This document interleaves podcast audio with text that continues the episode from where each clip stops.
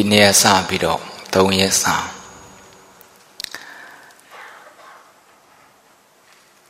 မြတ်စွာဘုရားရဲ့တရားဒေသနာတစ်စိတ်တစ်ပိုင်းကိုရွေးချယ်ပြီးတော့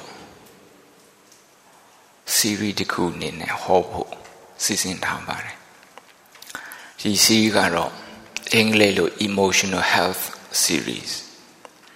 စိတ်ခံစားမှုချမ်းသာရေး series ခေါ်ပါတယ် ဒီနေ့ညဟောတာကပျော်နိုင်ပါရဲ့နဲ့မပျော်ပျော်နိုင်ပါရဲ့နဲ့ပျော်ဖို့မေ့နေသူများပျော်နိုင်ဖို့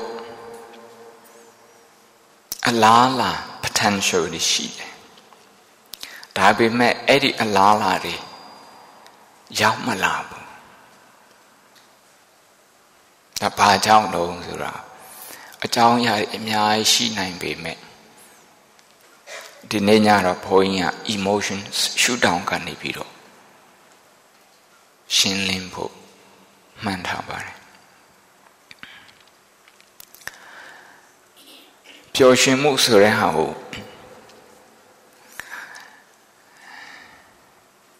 အင်တာနက်မပေါ့မပေါ်ခင်ခက်ကြရစားပြီးတော့ လင်းပြန်နေမပေါ်ခင်ခက်ကြရစားပြီးတော့လူတွေအဲပျော်ရွှင်မှုနောက်ကိုလိုက်လာကြတာပျော်ရွှင်မှုကိုလိုက်ရှာကြတာပျော်ရွှင်မှုလိုက်ရှာရင်းနဲ့ပဲရံဖြစ်တဲ့ခါလည်းရှိတယ်ပျော်ရွှင်မှုရှာရင်းနဲ့တပွန်တူရတဲ့အချိန်တွေလည်းမနှဲဘူးပျော်ရွှင်မှုရှာရင်းနဲ့ မိတ်မျောပြီးတော့အယက်သမားဖဲသမား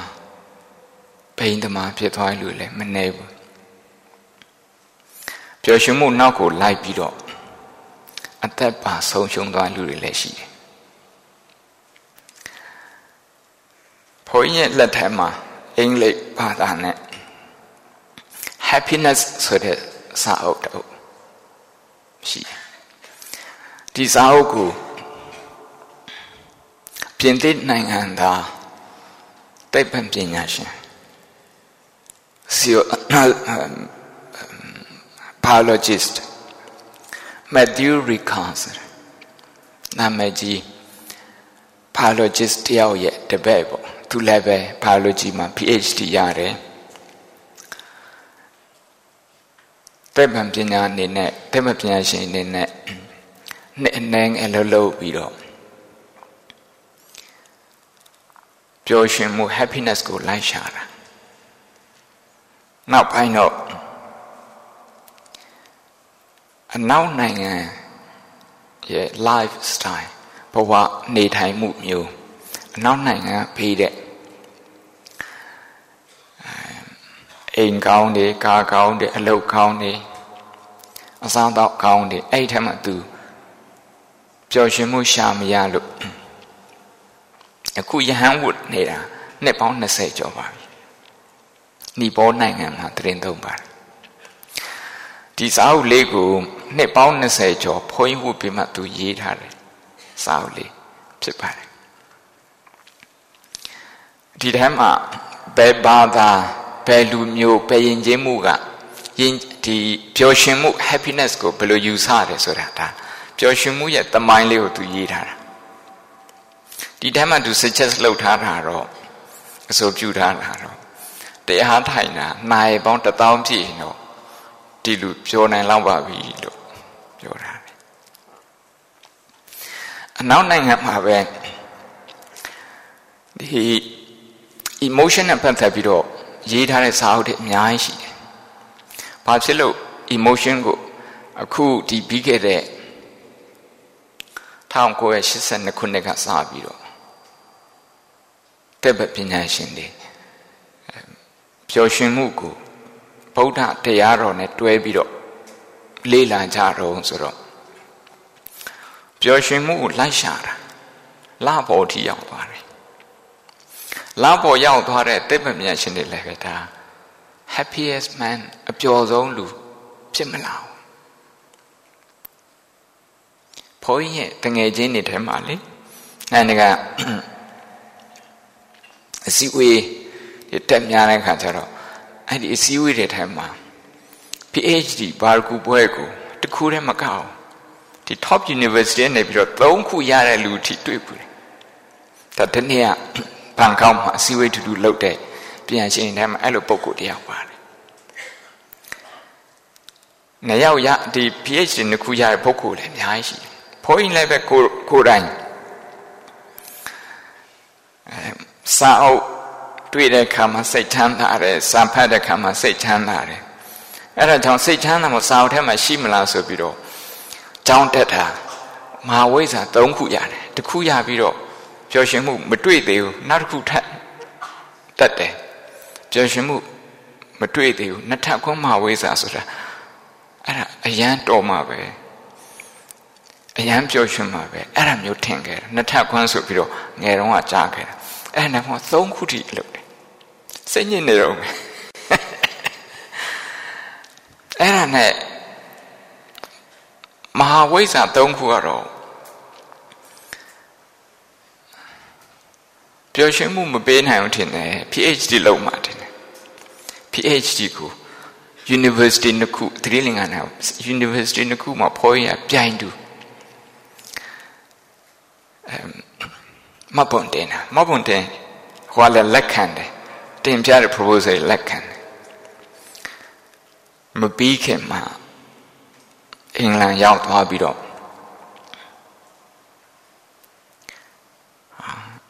သတိလင်္ကာ PhD တဲ့လန်ဒန် PhD ရရင်တော့ပို့ပြီးတော့ပြောမယ်ထင်တယ်ဆိုပြီးတော့သတိလင်္ကာ PhD ကိုစွန့်တာ အခု Oxford တက္ကသိုလ် PhD ရလာတယ်စိတ်ညစ်နေတော့မယ်ဒါကြောင့်စိတ်ညစ်တဲ့ဟာလေးလာပြီးတော့ share လုပ်ရင်းနဲ့ပြောစရာများတွေ့မလားဆိုပြီးတော့ဒီနေ့ညဒကာကြီးတို့ဒီမိုင်းတို့ ਨੇ တရားနာပေးတဲ့တို့ ਨੇ ဒီမှာငါတွေ့တယ်အဲတော့ဒီစာအုပ်ကိုကြည့်မယ်ဆိုရင် mindfulness and psychotherapy ဒါသိပ္ပံပညာရှင်၃ယောက် ဘာမောက်ခိုင်ဒီစုပေါင်းပြီးတော့ရေးထားတဲ့စာအုပ်ပါဒါလည်းပဲ emotion အကြောင်းကိုအဲ explore လုပ်တာစူးစမ်းရှာဖွေတာဒါလည်းပဲဗုဒ္ဓဘာသာအမိပြုပြီးတော့ပျော်ရွှင်မှုအကြောင်းလိုက်ရှာနေတဲ့ emotion အကြောင်းရေးထားတဲ့ကနေဒါကဗမောက္ခတယောက် mindfulness for health တတိပဋ္ဌာန်တရားနဲ့ကျမ်းမာအောင်လုပ်တာ mindfulness for health ဒီစာအုပ်က best seller ထဲမှာပါတယ် Oxford ကဗမောက္ခတယောက်နဲ့သတင်းစာဆရာတယောက်နဲ့တွဲပြီးတော့ရေးထားတာစာအုပ်တွေအများကြီးပါပါလာသေးတယ်ဒီလောက်ဆိုတော့ဒီနေ့ကဒါဖြင့်ဘာပြောချင်တာတုံးဆိုတော့ emotion စိတ်ခံစားမှုဟာအရာရာကိုသူကအယောင်တင်ပေးတယ်အရာရာအယောင်တင်ပေးတယ်လူတွေပျော်ရွှင်တာဘလောက်ထိပျော်ရွှင်မယ်ရာနှုံးဖြစ်ပျော်ရွှင်မလားဆယ်ခိုင်နှုံးလားဆယ်နှစ်ခိုင်နှုံးလားရာခိုင်နှုံးအစိတ်လား emotion ကတတ်မှတ်ပေးတယ်အဲ့ဒီမတိုင်ခင်ကတော့ဘုန်းကြီးက သူများလိုပဲဘယ်လိုထင်တော့ဆိုတော့အဝတ်အစားအသက်ဝတ်ရင်အဝတ်အစားအသက်ထဲမှာပျော်ရွှင်မှုရှိတယ်လို့ယူဆလို့အဝတ်အစားအသက်တွေတစ်ခုပြီးတစ်ခုလိုက်ရှာဝတ်စားတဲ့ဝတ်တယ်ပျော်ရွှင်တယ်စိတ်ပျော်တယ်နောက်တနေ့ဒီဒီဝတ်စားအသက်ထပ်ဝတ်မလားမဝတ်နိုင်တော့ပျော်ရွှင်မှုမရှိတော့လားဒီဝတ်စားအဝတ်စားတော့မပြောင်းသေးဘူး စိတ်ကပြောင်းသွားပြီဒါဖြင့်ဒီအဝတ်စားတစ်ထက်မှာပျော်ရွှင်မှုတကယ်ပျော်ရွှင်မှုမရှိဘူးငါကအသက်လားကအသက်ရတဲ့ရခါစားလေးမှာပြောလိုက်တာ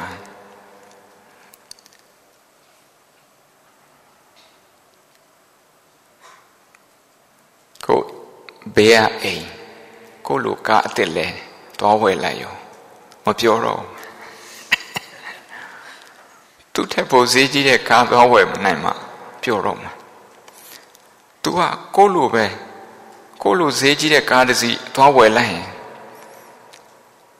တလောက်ဈေးကြီးတဲ့ကားစီးပါရင်လည်းစိတ်ကမပြောနိုင်မပြောနိုင်ပြန်ဘူးဒီနေရာမှာစိတ်လှုပ်ရှားမှု excitement အင်္ဂလိပ်လို excitement အဲ့ဒီစိတ်လှုပ်ရှားမှုနဲ့လူတွေကပျော်ရွှင်မှုကို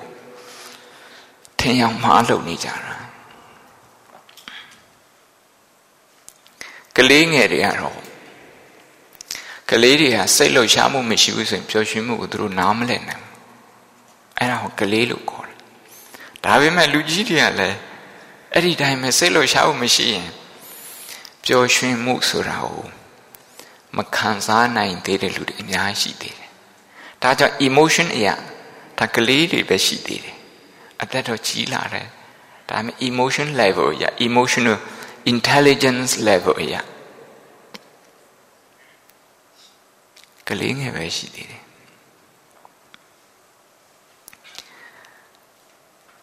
ဒါကြောင့်နံပါတ်1စိတ်လှုပ်ရှားမှုဟာပျော်ရွှင်မှုမဟုတ်ဘူးဆိုတာကို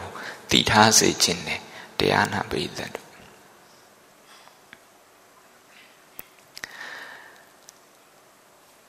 ဒီနေ့ညပျော်ရွှင်မှုအကြောင်းကိုဘုန်းကြီးကလူရင်းတူခြင်းနဲ့ပီတိဆိုတဲ့စကားလုံးကနေစပြီးတော့ရှင်းပြမယ်အဓိကရှင်းပြချင်တာကတော့ဒီနေ့ညမုဒိတာဆိုတဲ့အကြောင်းပြမစုတရားထဲမှာပါတယ်မုဒိတာ ဘာဖြစ်လို့မုဒိတာနေစတာတော့မေတ္တာဂယုဏမုဒိတာဥပေက္ခ၄ခုရှိတာမဟုတ်ဘူးလားဟုတ်တယ်၄ခု၄ခုကိုဘုန်းကြီးက make easy version ပေါ့အလွယ်တကူအာကြင်ကြံလို့ရအောင်ဆိုပြီးတော့အဲနှစ်ခုကြင်ကြံရင်လေးခုစလုံးရတဲ့ နီကိုစမ်းကြည့်နေတယ်အဲ့ဒီစမ်းကြည့်တဲ့နီကိုဒီနေ့လာပြီးတော့ share လုပ်တာလာပြီးတော့မျှဝေပေးတယ်စီပွားရေးသမားစကားနဲ့ပြောရင်နှစ်ခုဝယ်ရင်နောက်ထပ်နှစ်ခုအစစ်ထည့်ပေးတယ် buy to get to free ပြမစိုး၄ပါဒါဖြင့်ဝယ်ရမယ်နှစ်ခုကဘာဝယ်ရမှာတော့ဆိုတော့ ဂယုဏနဲ့မုဒိတာနှစ်ခုဝယ်ရမယ်ဘာဝယ်ရမှာပါလဲပေးတယ်လေဂယုဏနဲ့မုဒိတာဝယ်ရမယ်ဂယုဏနဲ့မုဒိတာဘာလို့ဝယ်ရမှာတော့ဆိုတော့ဖိုးရင်နားလည်မှုကဘာလို့မေတ္တာနဲ့မစဘဲနဲ့ဂယုဏနဲ့မုဒိတာနဲ့စတာတော့ဂယုဏနဲ့မုဒိတာဟာမေတ္တာနဲ့တူတူပဲ တနည်းအားဖြင့်ပြောမယ်ဆိုရင်မေတ္တာဟာအဲအစိတ်ပိုင်းနှစ်ခုရှိတယ်တစ်ခုကဂေယုဏတစ်ခုကမုဒိတာဘုန်းကြီးကဒီလိုနားလဲတယ်အဘိဓမ္မာလေးလာဖူးတဲ့ပုဂ္ဂိုလ်တွေဘယ်လိုနားလဲတော့ဆိုတော့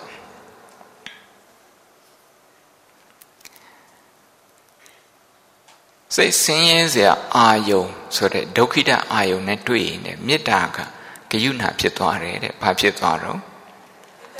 ဂယုဏဖြစ်သွားတယ်ဂယုဏဖြစ်သွားတယ်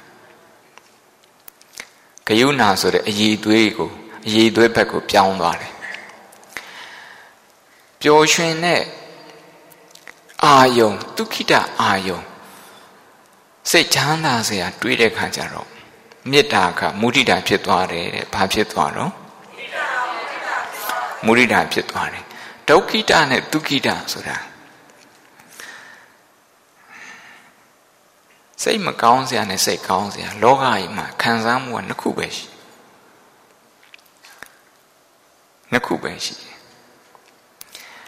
အဲ့ဒီစိတ်မကောင်းစရာတွေးရင်လူတွေကစိတ်ညစ်တယ်စိတ် ကောင်းစရာစိတ်ဝန်းသာစရာတွေ့ရင်လူတွေကအဲ့ဒီနောက်ကိုမိမျောပြီးတော့ပေါအောင်သွားတယ်အဲ့ဒီလိုမဖြစ်အောင်ဆိုပြီးတော့မြတ်စွာဘုရားကပြမစုတရားဟောထားတာဒါကြောင့်ရှုရမယ့်အာယုံကမ္မထန်အာယုံ meditation object ဒီရှုအောင်နေပြီးတော့ကြည့်မယ်ဆိုရင်ဂယုဏနဲ့မုဒိတာနှစ်ခုကိုပွားများရင် လုံလောက်ပါပြီ ဒီဂယုဏနဲ့မုဒိတာနှစ်ခုပွားများတဲ့နေရာမှာစိတ်ကဟောဘက်ဒီဘက်ရိမ့်ရိုင်နေတတ်တယ်လွန်ဆွဲသလိုတော့ကြကြိုက်လိုက်တော့ကြမကြိုက်လိုက်ဝန်းတာလိုက်ဝန်းနေလိုက်အဲ့ဒီလိုဟိုဘက်ဒီဘက် opposite emotion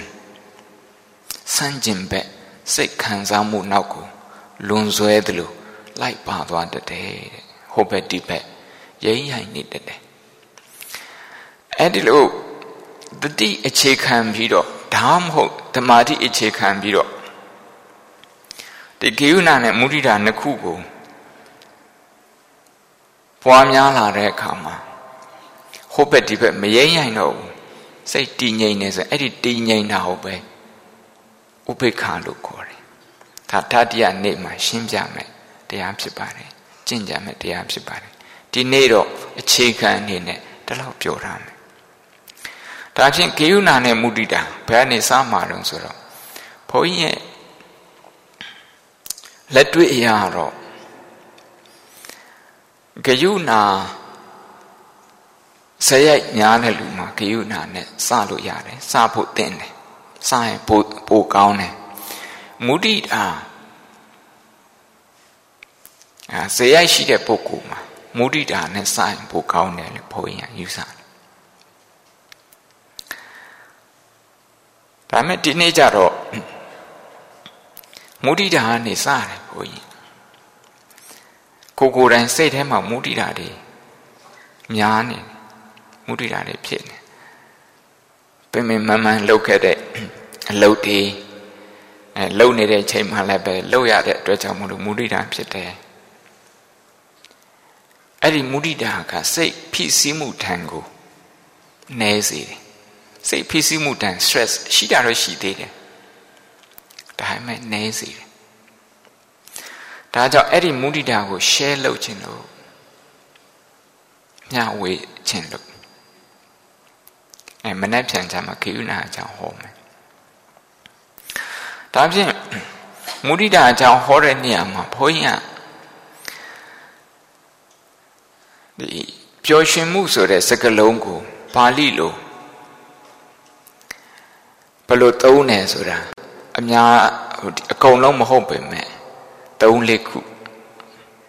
ဒီနေရာမှာထုတ်ဖော်ပြောပြစေခြင်းထုတ်ထုတ်ဖော်ပြောပြခြင်းနံပါတ်1ကတော့ဒုက္ခပဲဒါမြန်မာစကားလိုဖြစ်နေဒုက္ခချမ်းသာမှုနောက်တစ်ခုကအတ္တဒဆိုတာအတ္တဒအဲ့ဒါစိတ်ထဲမှာ ตายရတာအတ္တဒအဲ့ဒါလည်းပဲစိတ်ပျော်ရွှင်တာတစ်မျိုးပဲစိတ်ထဲမှာသာယာနေတာစိတ်ပျော်ရွှင်တာပဲနောက်တစ်ခုကတော့ပီတိပီတိဖြစ်တယ်ဆိုရင်ဒါလည်းပဲ happiness ပဲ emotion ရှုထောင့်နေကြည့်မယ်ဆိုရင် happiness ပဲအဘိဓမ္မာရှုထောင့်နေပြီးတော့ဓမ္မတိ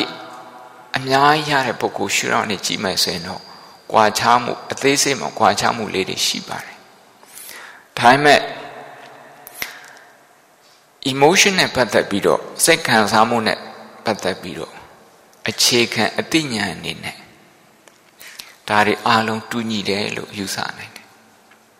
ဒုက္ခရယ်အတ္တာဒရယ်ပီတိရယ်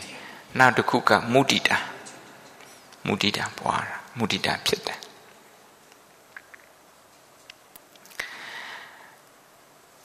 ဒီ series ထဲမှာဂယုဏမုဒိတာနှစ်ခုကိုအဓိကထားပြီးတော့ဟောမှဖြစ်တဲ့အတွက်ကြောင့်မို့လို့မုဒိတာဆိုတဲ့စကားလုံးကိုအသုံးပြုပါမယ်မုဒိတာဆိုတဲ့စကားလုံးကိုနားလည်အောင်လုပ်တဲ့နေရာမှာပီတိဆိုတဲ့စကားလုံးကိုပြန်ပြီးတော့ စဉ်းစားစေခြင်းတယ်ပီတိဖြစ်တယ်ကလေးတွေစမ်းဝဲအောင်လို့ပီတိဖြစ်တယ်မကြမ်းမာတာနေပြီးတော့လူလူတယောက်မချမ်းမာတာနေပြီးတော့ပြန်ချမ်းမာလို့ပီတိဖြစ်တယ်လက်ဆောင်ရလို့ပီတိဖြစ်တယ်ကိုကိုလာပြီးတော့တူတယောက်ကချင်းမွန်းလို့ပီတိဖြစ်တယ် ကိုလှုပ်ချင်တာလှုပ်ရလို့ပီတိဖြစ်တယ်ကိုဖြစ်စေချင်တဲ့ဟာဖြစ်သွားလို့ပီတိဖြစ်တယ်ဒါနေ့စဉ်ဘဝမှာဖြစ်နေတဲ့ပီတိဒီပီတိဟာပီတိဆိုတဲ့အရာပီတိဆိုတဲ့စိတ်ခံစားမှုဟာအမှန်အရေးကြီးတယ်ပီတိမပါဘူးဆိုရင်တရားမရနိုင်ဘူးမဲ့တရားဖို့တရားမရနိုင် တရားထိုင်ပြီးတော့စိတ်ထဲမှာစိတ်ချမ်းသာမှုပီတိမဖြစ်ဘူးဆိုရင်တရားမရနိုင်ဘူးဘုဇင်ခုနှစ်ပါးထဲမှာပီတိတန်ဖိုးစဉ်ဆိုတာမပါအောင်လားပြည်တယ်ပီတိတန်ဖိုးစဉ်မပါဘဲနဲ့မဲ့တရားဖို့တရားမရနိုင်ဘူးအဲ့ဒီဘုဇင်ခုနှစ်ပါးထဲမှာပီတိတန်ဖိုးစဉ်တို့ပတ္တိတန်ဖိုးစဉ်တို့ဥပိ္ပခံတန်ဖိုးစဉ်တို့ဆိုတာဒါ မိမိရဲ့စိတ်ခံစားမှုဆိုတဲ့ emotion ကိုတန့်ရှင်းအောင်ကြည်လင်အောင်လှုပ်လိုက်လို့မတရားဖို့တရားရသွားတဲ့ပုဂ္ဂိုလ်တွေအင်္ဂလိပ်လို emotional purification ကိုဖို့ရင်ဆိုခြင်းတယ် emotional purification emotion ကို purify လုပ်ရတယ်တန့်စင်ရတယ် စိတ်တကြတဲ့လူတွေတို့ကြောင့်စိတ်ကပျော်ရွှင်လိုက်စိတ်ကတော့ကြောင့်ငိုခြင်းလိုက်ရည်ခြင်းလိုက်အဲ့ဒီလိုဖြစ်တတ်တယ်တဲ့အဲ့ဒါဘာကြောင့်ဖြစ်တာတော့ဆိုစိတ်ကရေရေလိုပဲတော့ကြကြည်လိုက်နှောက်လိုက်ဒါ purify လုပ်ဖို့လိုနေတာတန့်စင်အောင်လုပ်ဖို့လိုနေတာဒါကြောင့်ရေတန့်ရေတန့်ဆိုပြီးတော့တန့်ထားတဲ့တန့်စင်ထားတဲ့ရေကိုရေတန့်လို့ခေါ်တာဒီတိုင်းမှာပဲ မိမိရဲ့စိတ်ခံစားမှုကိုလည်းပဲတန့်စင်ဖို့လိုအပ်ပါတယ်အဲ့ဒီတန့်စင်တဲ့ဤကိုဗုဒ္ဓတရားတော်ထဲမှာပြမစုတရားလို့ခေါ်ပါတယ်ဘာလို့ခေါ်တော့ပြမစုတရားလို့ခေါ်တယ်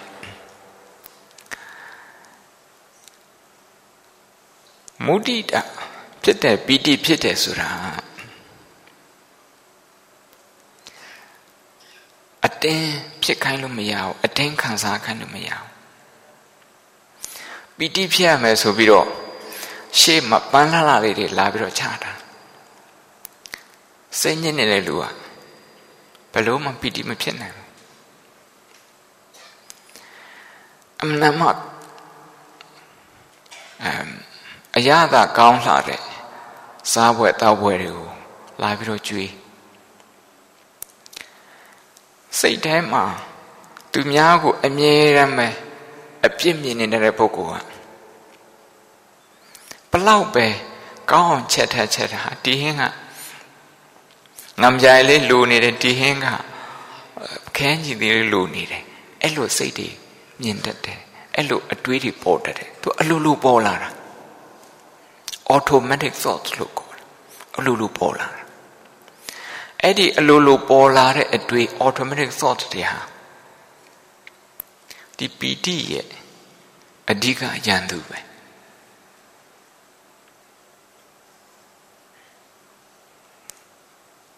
အမှန်မှလှပတဲ့ပန်းရဲ့ရှေ့မှာထိုင်နေတယ်2မိနစ်3မိနစ်ပဲဒီပန်းရဲ့အရာသာကိုခံစားနိုင်တယ်ပြီးတော့စိတ်ကတခြားကိုရောက်သွားတယ်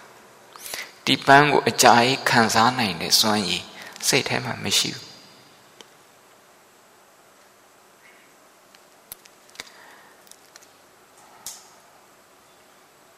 ဘုန်းကြီးအနောက်တိုင်းမှာမကြမကြဟောတဲ့တရားမကြမကြပေးတဲ့ဥပမာကိုတွေ့ပါပဂုဒါနမှန်တဲ့ပါဠိတက္ကသိုလ်မှာစာသင်သားဘဝနဲ့နေတော့နေ့တိုင်းနေ့တိုင်းမနဲ့ဆွန်းဆွန်းစွန်းနာနေပဲ red bean ခေါ်တယ်စွန်းနာနေပဲအဲ့ဟာဖုံးရတယ်ဟင်းတမဲတဲ့ကိုနှစ်ရက်စားမယ်ဆိုရင်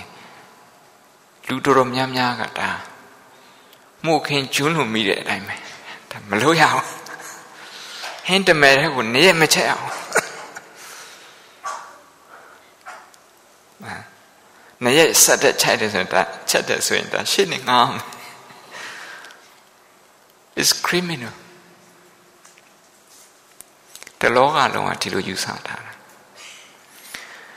ဟင်းအရာကဘာမှမပြောင်းလဲသေးပြီမြဲအဲ့ဒီဟင်းကိုခံစားနိုင်တဲ့စိတ်ကပြောင်းသွားပြီမခံစားနိုင်တော့အဲ့ဒါကို boredom လို့ခေါ်တယ်အင်္ဂလိပ်လို boredom odisa kokosa စိတ်လေလွင့်မှုအဲ့ဒီစိတ်လေလွင့်မှုဟာအလိုအလျောက်အတွေး automatic thought ကိုအမြဲတမ်းဖြစ်စေတယ်တရားထိုင်တဲ့အခါမှာပို့ပြီးတော့တည်တယ်တရားထိုင်နေဝင်လေထွက်လေကြည့်နေစိတ်ကတကဘာလုံးကိုရောက်နေတာ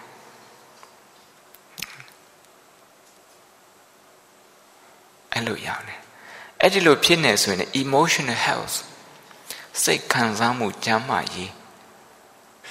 အခြေအနေမကောင်းဘူး ဒါကြောင့်မို့လို့မိမိစိတ်ကျမ်းစိတ်ခံစားမှုကျမ်းမာရေး cứu ဆိုင်ဖို့အတွက်အဲ့ဒီ automatic thought အလိုအလျောက်သူ့ဟာသူဖြစ်ပေါ်လာတဲ့အတွေးတွေဟိုသွားဒီသွားလျှောက်သွားနေတဲ့အတွေးတွေအဲ့ဒီအတွေးတွေကို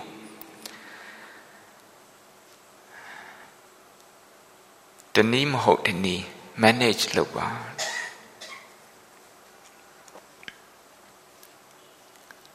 manage လုပ်ပါ တခါတခါကျတော့ခန္ဓာကိုယ်အယမ်းပင်ပန်းလို့စိတ်လေလွင့်တယ်တခါတခါကျတော့ဘဝထဲမှာလုပ်ငန်းထဲမှာခက်ခဲတွေတွေ့ရလို့အဲ့ဒါကြောင့်မလို့အာစိတ်ကလေလွင့်နေတယ်အဲ့လိုစိတ်လေအဲ့လိုလေလွင့်နေရင်အကောင်းဆုံးကားပိုင်ဆိုင်လိုက်အဲ့ဒီကားကိုခံစားနိုင်တဲ့ပီတိ မတည်မြဲဘူးဒါရှိမခံအဝိဇ္ဇအသက်တွေဘီရိုနဲ့အပြစ်ရှိနေလဲပဲအဲ့ဒီဝိဇ္ဇအသက်တွေစိတ်ချမ်းသာမှုကိုမပေးနိုင်တခြင်းဆိုရင်စိတ်ပျော်ရွှင်နေဆိုလို့တခြင်းတွေအပုတ်ပေါင်းတထောင်ရလည်းပဲဆိုးစရာတခြင်းတာကုန်သွားမယ်စိတ်ချမ်းသာမှုအစစ်မရနိုင်ဘူး နာမည်ကြီးအဆိုတော့ Michael Jackson အပျော်ဆုံးလို့ဆိုနိုင်လားမပျော်လို့အိတ်ဆေးတွေတောက်ရတယ်အိတ်တော့မပျော်အိတ်ဆေးတောက်ရင်လည်းအိတ်ဆေးနဲ့ပဲဒုက္ခရောက်သွားတာအသက်ငယ်ငယ်လေးရှိသေးတယ်သူအောင်မြင်မှုနဲ့စားမယ်ဆိုရင်သူအသက်ငယ်ငယ်ပဲရှိသေးတယ်ဒါကြောင့်ကလေးတွေကို ငယ်ကလေးကစပြီးတော့စိတ်စူးစိုက်မှုရှိအောင်တမာတိကောင်းအောင်သင်ပေးရမယ်ဒီဥရောပနိုင်ငံတနိုင်ငံမှာဘုန်းကြီးအတိတယောက်ပရမဆုံးသားလေးရလာတဲ့ခါကျတော့ဝန်းသာလွန်းလို့သူ့ကိုကစားစရာလေးတွေတစ်ခုပြီးတစ်ခုပေးတယ်တာဝန်ကြီးတယ်ဆိုတော့မိဘ ကိုယ့်ကိုမြင်မြင်လို့နောက်ပြီးတော့မြင်စေခြင်းလို့ဘေးဟာလူတွေကိုလည်းအဲ့ဒီလိုမြင်စေခြင်းလို့ကလေးကမတောင်းပေမဲ့ကလေးကိုအယုတ်ကစားစရာအယုတ်တစ်ခုပြီးတစ်ခုဝယ်ပေးတယ်ဝယ်ပေးတဲ့ခါကျတော့ကလေးကအယုတ်နှစ်ခုဆိုရင်ဘယ်တစ်ခုကိုကစားမယ်ဆိုသူဆုံးဖြတ်ရမယ်ကလေးကဆုံးဖြတ်ဖို့အတွက်အုံနောက်မဖွံ့ဖြိုးသေးဘူးသူ emotion နဲ့ဆုံးဖြတ်ရတယ်စိတ်ခံစားမှုနဲ့ဆုံးဖြတ် အဲ့ဒီလိုဆုံးဖြတ်တာနှစ်ခုယူရမယ်ဆိုရင်ဒါစိတ်ပြီးစီးမှုနည်းနည်းလေးဖြစ်လာပြီမသိတာသေးဘူး၃ခုတိတ်မသိတာသေးဘူး၄ခုစိတ်ဖိစီးမှုတန်ပို့ပြီးတော့များလာတယ်ဒါကြောင့်ကစားစရာအများကြီးရှိတဲ့ကလေးတွေဟာစိတ်ပို့ပြီးတော့လေလွင့်တယ်ကစားစရာအများကြီးကိုအများကြီးရှိတာတောင်မှ ဟိုအဲ့ထက်တခုခုကိုကောင်းကောင်းမွန်မွန်သူမကစားနိုင်တဲ့ကလေး identify မလုပ်နိုင်တဲ့ကလေးဒီကလေးစိတ်ခံစားမှုကြမ်းမာရေးသိမကောင်းအခြေခံသိမကောင်းဒါကြောင့်မို့လို့မိမိတို့ရဲ့ဘဝမှာဒီပီတိမဖြစ်နိုင်တာအဲ့ဒီ အဲ automatic thought အလိုလျောက်စိတ်တွေကလွှမ်းမိုးနေလို့နံပါတ်1ချက်နံပါတ်2ချက်ကတော့အခက်ခဲတွေ့ကြုံလာတဲ့အခါမှာမိမိရဲ့စိတ်ထဲမှာဘယ်လို emotion တွေဖြစ်နေတယ်ဘယ်လိုစိတ်ခံစားမှုဖြစ်နေတယ်ဆိုတဲ့အတိအဲ့ဒီအတိလေးနဲနေအဲ့ဒီအတိမရှိဘူးအဘိဓမ္မာလေးလာရင်တော့အဲ့ဒီအတိလေးတွေပို့ပြီးတော့ရတယ် အင်္ဂလိပ်လိုတော့ emotional intelligence လို့ခေါ်တယ်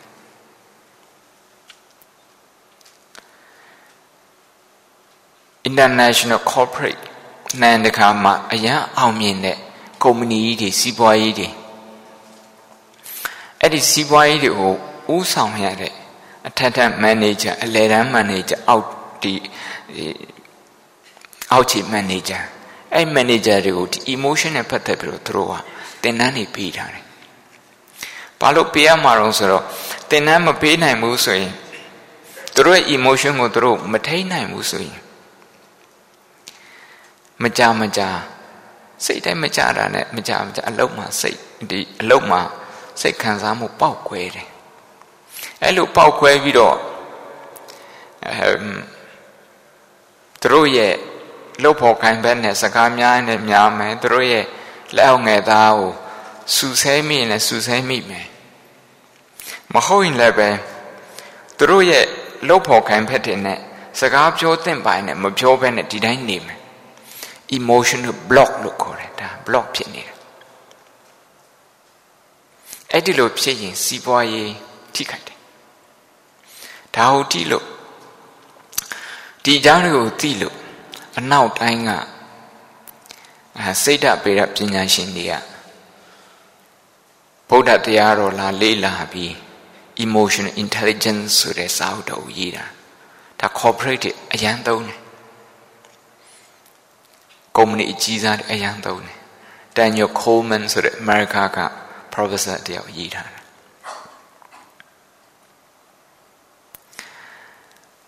အဲ့တော့အဲ့ဒီလိုဟို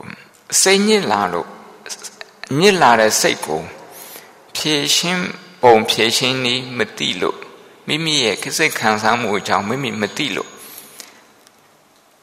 မိမိရဲ့စိတ်ခံစားမှုနဲ့ပြန်ပြီးတော့ in touch မဖြစ်လို့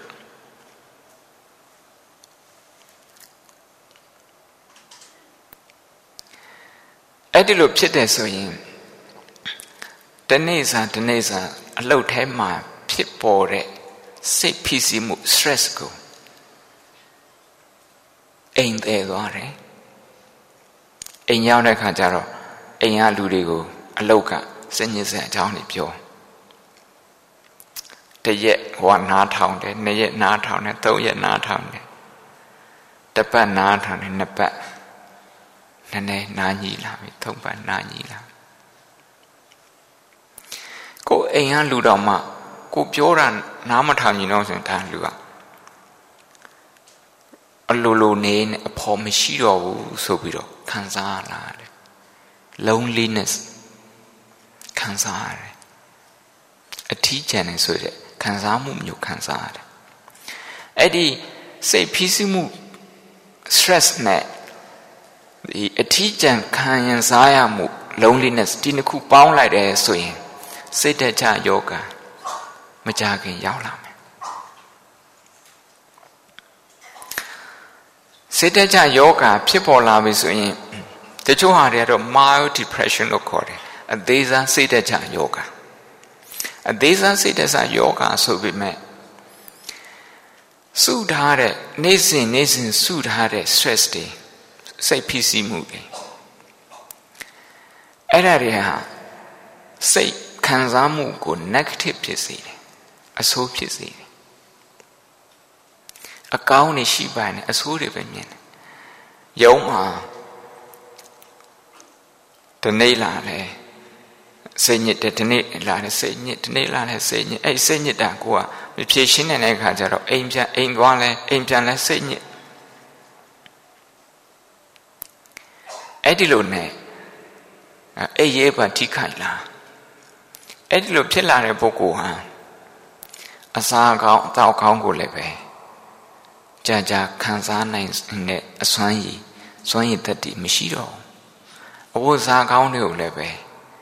ပြီးအကြည့်ပြီးတော့ပိုင်ဆိုင်ပြီးတော့ပီတိဖြစ်နိုင်တဲ့စွမ်းရည်တဲ့မရှိတော့မရှိုံနဲ့မကဘူး negative attitude ဆိုတာနေရာတိုင်းမှာအဆိုးမြင်တဲ့အမြင်ဝါဒပါဝင်လာတတ်တယ်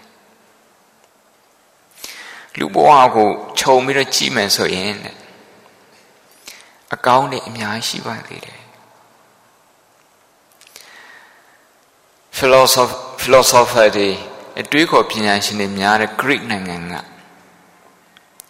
သူတို့ကအဲ80 20 theory ဆိုတာအမ်ရှိတယ်80 20 theory 80ဆိုတာကဘဝမှာ ကောင်းတာတွေအလုံးမှာကောင်းတာတွေ80အခိုင်တော့ရှိတယ်တဲ့အိမ်ကနေပြီးတော့ဒီတရားပွဲကိုလာကြတဲ့တရားနာပိသက်တို့ရန်ကုန်မြို့ကြီးမှာကားကြက်တယ်ဆိုရင်ကားကြက်တော့စိတ်ညစ်သွားမယ်စိတ်ညစ်နေတဲ့အချိန်မှာရန်ကုန်မြို့ရဲ့ကောင်းဒီဟိုကောင်းကွက်တယ်လေ ရန်ကုန်မြို့ရဲ့အလှပတယ်အကုန်လုံးမေ့သွားမယ်အဲ့ဒီအဲ့ဒီတိုင်းမှာပဲအလုတ်မှလည်းပဲလူတယောက်ရဲ့အဲမကောင်းခွက်ကိုပဲကိုကကွက်ပြီးတော့မြင်နေတယ်သူ့ရဲ့ကောင်းခွက်ကိုမမြင်နိုင်တော့ appreciate မလုပ်နိုင်တော့ဘူးတန်ဖိုးမထားနိုင်တော့တနည်းအားဖြင့်ပြောမယ်ဆိုရင်မုဒိတာမဖြစ်နိုင်တော့ဘူးပီတိမဖြစ်နိုင်တော့ ပီတိမဖြစ်နိုင်တော့ဘူးဆိုရင် လူတယောက်နဲ့တယောက်ဆက်ဆံရေးပြေလည်ဖို့သိခရင်သွားပြီ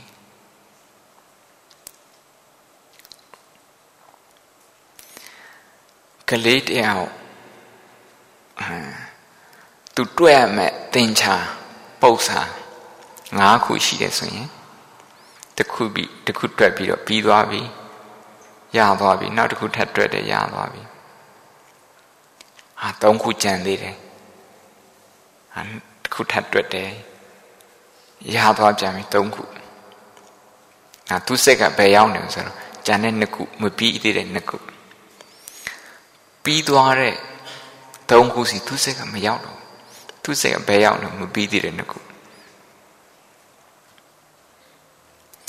အဲ့ဒါနဲ့ထပ်တွက်တာနောက်တစ်ခုထပ်ပြီးသွားတယ်၄ခုပြီးသွားတယ်သူတွက်တာ၄ခုပြီးသွားပြီဒီကလေး အဲ့ဒီအချိန်မှာသူ့ရဲ့စိတ်သူ့ရဲ့အတွေ့သူ့ရဲ့စိတ်ခံစားမှုဘယ်နေရာမှာရှိရလို့တုတ်ပေးတာညာထင်တယ်မတွဲရသေးတဲ့တင်ကြအပေါ်မှာသူစိတ်ရောက်နေတယ်သူရှိမှနိုင်လေးချပြီးတော့မနဲ့နဲ့ရည်တွက်ကြည့်ဒီကလေးဒီမတွဲရသေးတဲ့တင်ချအပေါ်မှာသူမိနစ်ပေါင်းစက္ကန့်ပေါင်းဘယ်လောက်အချိန်သုံးလဲနောက် ပြီးသွားတဲ့တင်ချလေးပုတ်ပေါ်မှာသူအချိန်ဘယ်လောက်သုံးလဲဒီကလေးဟာမပြီးသေးတဲ့တင်ချပေါ်မှာအချိန်များစွာပို့သုံးပါတယ်သူသုံးတာအရာတော့83တယ်အဲ့ဒီကြံနေတဲ့20ခိုင်နှုန်းပြဿနာဟိုဖြည့်ရှင်းဖို့တော့သူ့ရဲ့အင်အား80ခိုင်နှုန်းသုံးပါတယ် အောင်မြင်သွားတဲ့သင်္ချာအဖြေ၄ခု80ခိုင်နှုန်းအဲ့ဒီ80ခိုင်နှုန်းကိုတော့သူကတခါတလေပဲစိတ်ကပြန်ရောက်တယ်20ရာခိုင်နှုန်းပဲအင်အားသုံးပြုပြီးတော့ကြည်နူးပါတယ်တနည်းအားဖြင့်ပြောမယ်ဆိုရင်ဘဝမှာပြဿနာ20ရာခိုင်နှုန်းလောက်ရှိတယ်ကောင်းတာတွေ80ရာခိုင်နှုန်းလောက်ရှိတယ်ကျမ်းမာရေးတွေကောင်းတယ် အပေါင်းအသင်းတွေအများကြီးရှိတယ်စားစရာတောက်စရာရှိတယ်လုံခြုံမှုရှိတယ်နေစရာမပူရဘူးစားစရာမပူရဘူးဒါတွေရှိစရာခိုင်တော့မကောက်ဒါပေမဲ့စိတ်ကပူစရာလေးတွေလိုက်တွေးပြီးတော့လိုက်ပြီးတော့ပူနေတယ်တနေ့ပြီးတနေ့လိုက်ပူနေပူပြီးရင် အပူဒီဒီအခုပူပန်နေတဲ့စိုးရိမ်နေတဲ့ပြဿနာဖြေရှင်းလိုက်တယ်ပြီးသွားပြီလေမပြီးသေးဘူးနောက်ထပ်ပူပန်စရာပြဿနာလိုက်ပြီးတော့ရှာတယ်ဘာဖြစ်လို့လိုက်ရှာရအောင်စိတ်အကျင့်ပေါင်းသွားပြီအကျင့်လို့ပြောတာဒီနေရာမှာအဲ့ဒီပူပန်တတ်တဲ့အကျင့်ဒါလည်းအကျင့်ပဲ နောက်ပြီးတော့အဲ့ဒီ80ခန်းအကောင်း80ခန်းလုံးကိုပီတိမဖြစ်တတ်တဲ့အကျင့်အဲ့ဒါလည်းအကျင့်ပဲအဲကြောင့်ဒီနေ့ညပီတိဖြစ်တတ်အောင်ဘုန်းတို့ကျင့်ကြမယ်80 20 theory 80 20 theory 80ခိုင်နှုန်းကောင်းတယ်ဆိုအဲ့80ခိုင်နှုန်းပီတိဖြစ်နိုင်ပါစေ ပြဿနာက20ခိုင်နှုန်းပဲရှိတယ်ဆိုရင်အဲ့ဒီရာခိုင်နှုန်းအတွက်မိမိရဲ့စိတ်ဆွမ်းအား20ခိုင်နှုန်းပဲအသုံးပြုရပါစေဒီလိုဆိုတာအဲ့ဒီရာခိုင်နှုန်း20လောက်တာရှိတဲ့ပြဿနာကို80သွားပြီးတော့အသုံးပြုတယ်ဆိုရင်ဒါပြောင်းပြန်ဖြစ်သွားပြီဒါဟုတ်ပဲ psychological problem စိတ်ဓာတ်ဗေဒပြဿနာလို့ခေါ်တာ အဲ့ဒီစိတ်ဓာတ်ဗေဒပြဿနာကိုဖြေရှင်းဖို့အတွက်တနည်းတလန်ဟန်နေပြီးတော့ဖြေရှင်းဖို့အတွက်ဒီနေ့ဒီမုဒိယတရားကိုလာပြီးတော့အဲမျှဝေပေးတာအင်္ဂလန်နိုင်ငံမှာအခွန်တော်တော်ဆောင်ရတဲ့လူတွေဘုန်းကြီးစီမကြမကြလာပြီးတော့ညှိတယ်ရှင်များကြည့်ပါဦးနဲ့ အလုံးမလုံးတဲ့လူတွေကိုအစိုးရကအလကားထောက်ပံ့တာလေအဲ့ဒါတပည့်တော်တို့ရဲ့လှုပ်ရှားနဲ့တပည့်တော်တို့ရဲ့အခွန်နဲ့ထောက်ပံ့ထားတာမတရားလိုက်တာအခွန်မပေးရင်ဥပဒေကျွလွန်ရရောက်တယ်ထောင်းထောင်းကြနေတယ်ဒါဥပဒေရမပေးလို့မရဘူးပေးလဲပေးရတယ်တစ်ဖက်ကလည်းပဲကိုယ့်ကိုစိတ်ဆင်းအောင်ထပ်တွေးသေးတယ် ဘုန်းကြီးကဘာပြောတော့ဆိုတော့ကျောင်းကိုရောက်လာတာဘာနဲ့လာတော့ကားနဲ့လာပါတယ်ဗျာကိုယ့်ကိုမောင်းလာတာဟုတ်တယ်ကိုယ့်ကိုဆောက်ထားတဲ့လမ်းနဲ့မောင်းလာလားမဟုတ်ပါဘူးအစိုးရဆောက်ထားအေးအဲ့ဒါတခါကြီးတို့ဒီမိုင်းတို့ပေးရတဲ့အခွန်တွေနဲ့ဆောက်ထားတာသူများတွေပေးထားလာလည်းပါတယ်ဒီမိုင်းတို့ပေးထားတာလည်းပါတယ် ဟောဒါငါဆောက်ထားတဲ့လမ်းငါအခွန်တစ်ခုတည်းနဲ့ဆောက်တော့တော့မလုံလောက်ဘူးအများနဲ့မလို့တို့ကဒီလိုင်းဆောက်နိုင်တာဆေးုံသွားကြည့်ဆရာဝန်တွေကလူနာတွေကိုကုသပေးနေတယ်။အော်ဒါငါပေးထားတဲ့အခွန်တွေကတချို့တော့အဲ့ကိုရောက်သွားတယ်အဲ့ဒီအခွန်နဲ့လူနာတွေကိုကုသပေးနေတာငါကုသိုလ်ဖြစ်နေတယ် စိတ်ထားတတ်ရင်ကုသိုလ်လည်းဖြစ်တယ်စိတ်လည်းပျော်ရွှင်တယ်ဒီနေ့ကျွန်းကျွန်းလာတည်းနေ့ကလေးတွေကြောင်းသွားတယ်လုံကြီးစိမ့်လေးတွေမြင်ပြီးတော့ပီတိဖြစ်တယ်ကလေးတွေကြောင်းဆင်းလို့ကားမောင်းရတာလွတ်လပ်လပ်မရှိဘူးဆိုတော့စိတ်ညစ်နေအောင်မကလေးတွေကြောင်းသွားနိုင်တာအဲ့ဒီကြောင်းတွေကိုအစိုးရဆောက်ပေးနိုင်တာ ဒါတခါကြီးတို့ဒီမိုင်းတို့ဆောက်ပေးတာပေးထားတဲ့အခွန်နဲ့ငါအခွန်လဲပါတယ်အာထကကြောင်းတွေအများကြီးရှိတယ်အာလကကြောင်းတွေအများကြီးရှိတယ်မူလတန်းကြောင်းတွေအများကြီးရှိတယ်မြင်နိုင်မြင်နိုင်ပီတိမဖြစ်နိုင်ဘူးလားဖြစ်ကောဖြစ်ရလားဒါတို့ခေါ်တယ်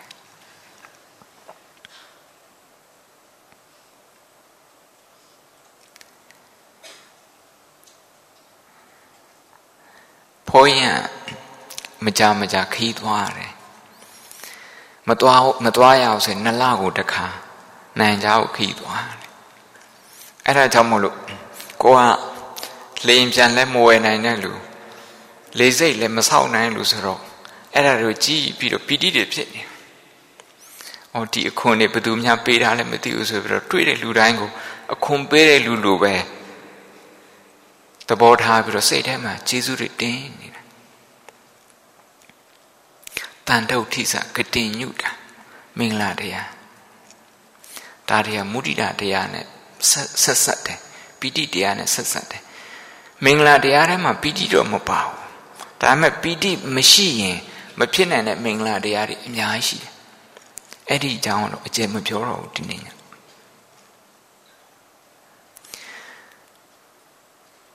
တိဖြစ်နိုင်တဲ့အကျင့်နဲနေလို့ဟာစူးစမ်းပြီးတော့ပိုက်ဆံရှာတယ်ပိုက်ဆံတိမ်ပေါင်းများစွာတောင်းများစွာရတယ်ရတဲ့အချိန်လေးမှာပဲပတ်စံထုတ်ကြည့်ပြီးတော့ချက်လက်မှတ်ကြည့်ပြီးတော့စိတ်တရင်ကစိတ်ချမ်းသာမှုဖြစ်တယ်ပြီးတော့စိုးရင်စရာစီစိတ်ရောက်သွားတာပဲမရောက်ဘူးလားရောက်သွားတယ် ပိဋိကတရင်ကပဲနေနိုင်တယ်ရှေ့စရာခိုင်တော့မကောက်တောကကလေရှေ့စရာခိုင်တော့မကောက်ရှိတဲ့ပိဋိကလည်းပဲရှေ့ဒီစွမ်းရည်ဒီဒီဒီ potential ပေါ့အလားအလာက80ခိုင်နှုန်းတော့မကဘူး။ဘာဖြစ်လို့မကတာတော့ဆိုတော့ကိုယ့်ရဲ့ပီတိတွေမကဘူးသူများရဲ့ပီတိပါထည့်ပြီးတော့ရောမယ်ဆိုရင်80ခိုင်နှုန်းမကပါဘူးတရားနာပိသက်တို့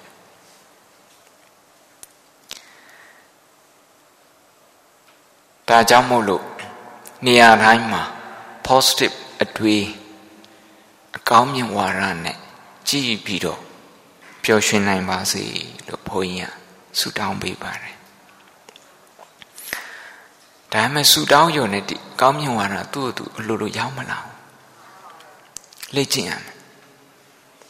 လေ့ကျင့်ရမယ်အဲ့ဒါဟုတ်ပဲမုဒိတာကမ္မထံလို့ခေါ်တယ်ပိဋိကမ္မထံလို့လည်းခေါ်ပါတယ် ပိဋိကမ္မထံဆိုတာပိဋိဆိုတာတော့တရားရတဲ့ပိဋိနဲ့တရားမရသေးတဲ့ပီတိယဟန္တာပုဂ္ဂိုလ်အရိယာပုဂ္ဂိုလ်များပီတိကိုတော့ဓမ္မပီတိလို့ခေါ်တယ်ဘာလို့ခေါ်တော့ဓမ္မပီတိဆိုတာယဟန္တာပုဂ္ဂိုလ်များပီတိဓမ္မပရခါထာနံပါတ်89မှာဓမ္မပီတိဒုက္ခံတေတိဝိပတန်နေနစေတတာ အရိယဘဝိတိတေဓမ္မေ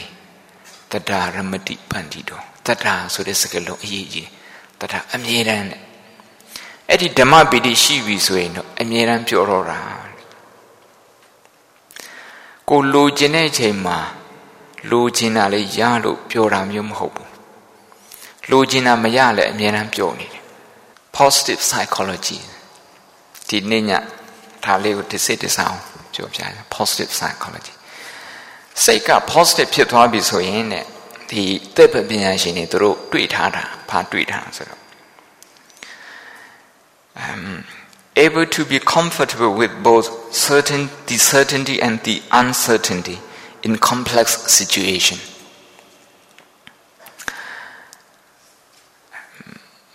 ရေယာမှုရှိတဲ့အနေထားမှာရောရေယာမှုမရှိတဲ့အနေထားမှာရောစိတ်ကတက်တက်တာတာ ရှိပါတယ်ဒါ positive emotion ရှိတဲ့ပုံကိုယ်တွေမှာဒါသူတို့လူတွေကိုလူနာတွေကိုလေးလာပြီးတော့တွေ့ရှိထားတဲ့သူတွေနာတွေ့ရှိချက်ပါအခြေအနေကမရေအောင်တော့ဘူးဒီကနေပြီးတော့ရွှေကုံသွားမယ်နိုင်ဝက်နဲ့သွားဖို့မှန်းထားတယ်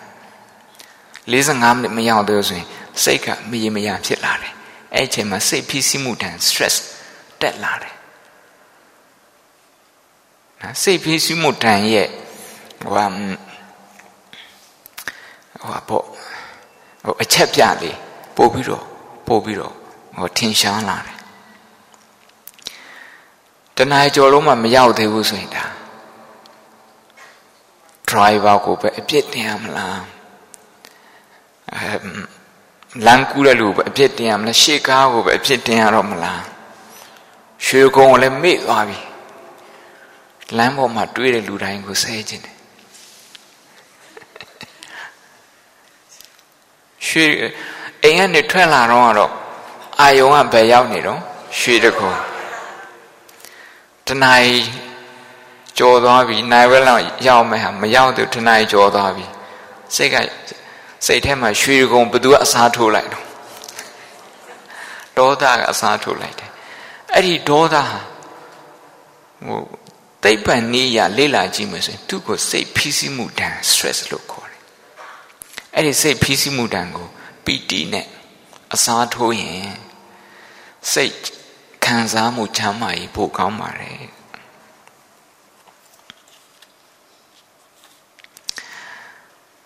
see the process as more important than the outcome while still seeking to achieve the best outcome ဒါက positive emotion တနည်းအားဖြင့်ပီတိကြာကြာရှိတဲ့ပုဂ္ဂိုလ်မှာသူတို့အဲသူတို့ခံစားရတဲ့ခံစားချက်အဲ့ဒါတော့ဘာတော့ဆိုတော့ဒီကနေရွှေရကုံသွားတယ်ဆိုရွှေရကုံရောက်တာအဲ့ဒါကရလက်အဲ့ဒါကအောက်ခံရွှေကုံမရောက်သေးခင်ဒီကနေရွှေကုံရောက်အောင်သွားတာလမ်းမှာတွေ့တဲ့ဟာတွေအ ကုန်လုံးကြည့်ပြီးတော့ပီတိဖြစ်တယ်လမ်းကူးတဲ့လူလည်းကြည့်ပြီးတော့ပီတိဖြစ်တယ်ရှေ့ကားကြည့်ပြီးတော့ပီတိဖြစ်တယ်ဟိုဘက်နဲ့လာတဲ့ကားကိုကြည့်ပြီးတော့ပီတိဖြစ်တယ်ပီတိဖြစ်လို့ပဲကားကြက်တဲ့စိတ်ဖြစ်စီမှုထံကိုခံနိုင်တယ်အဲ့ဒီပီတိမရှိဘူးဆိုရင်တော့စိတ်ဖြစ်စီမှုထံလေးလေးကအသေးလေးကအများကြီးဖြစ်လာအကြီးဖြစ်လာတယ်မနေ့ကစူထားတာလည်းပါတာဟုတ် အဲ့ဒီစူထားတဲ့ဟာကို stress chemical လို့ခေါ်တယ်စိတ်ဖြစ်စီမှုဓာတုပေတာစိတ်ဖြစ်စီမှုဓာတုပေတာဆိုတာဟိုဒီ stress ဖြစ်လာပြီစိတ်ဖြစ်စီမှုဖြစ်လာပြီဆိုရင်ခန္ဓာကိုယ်တင်းလာတယ်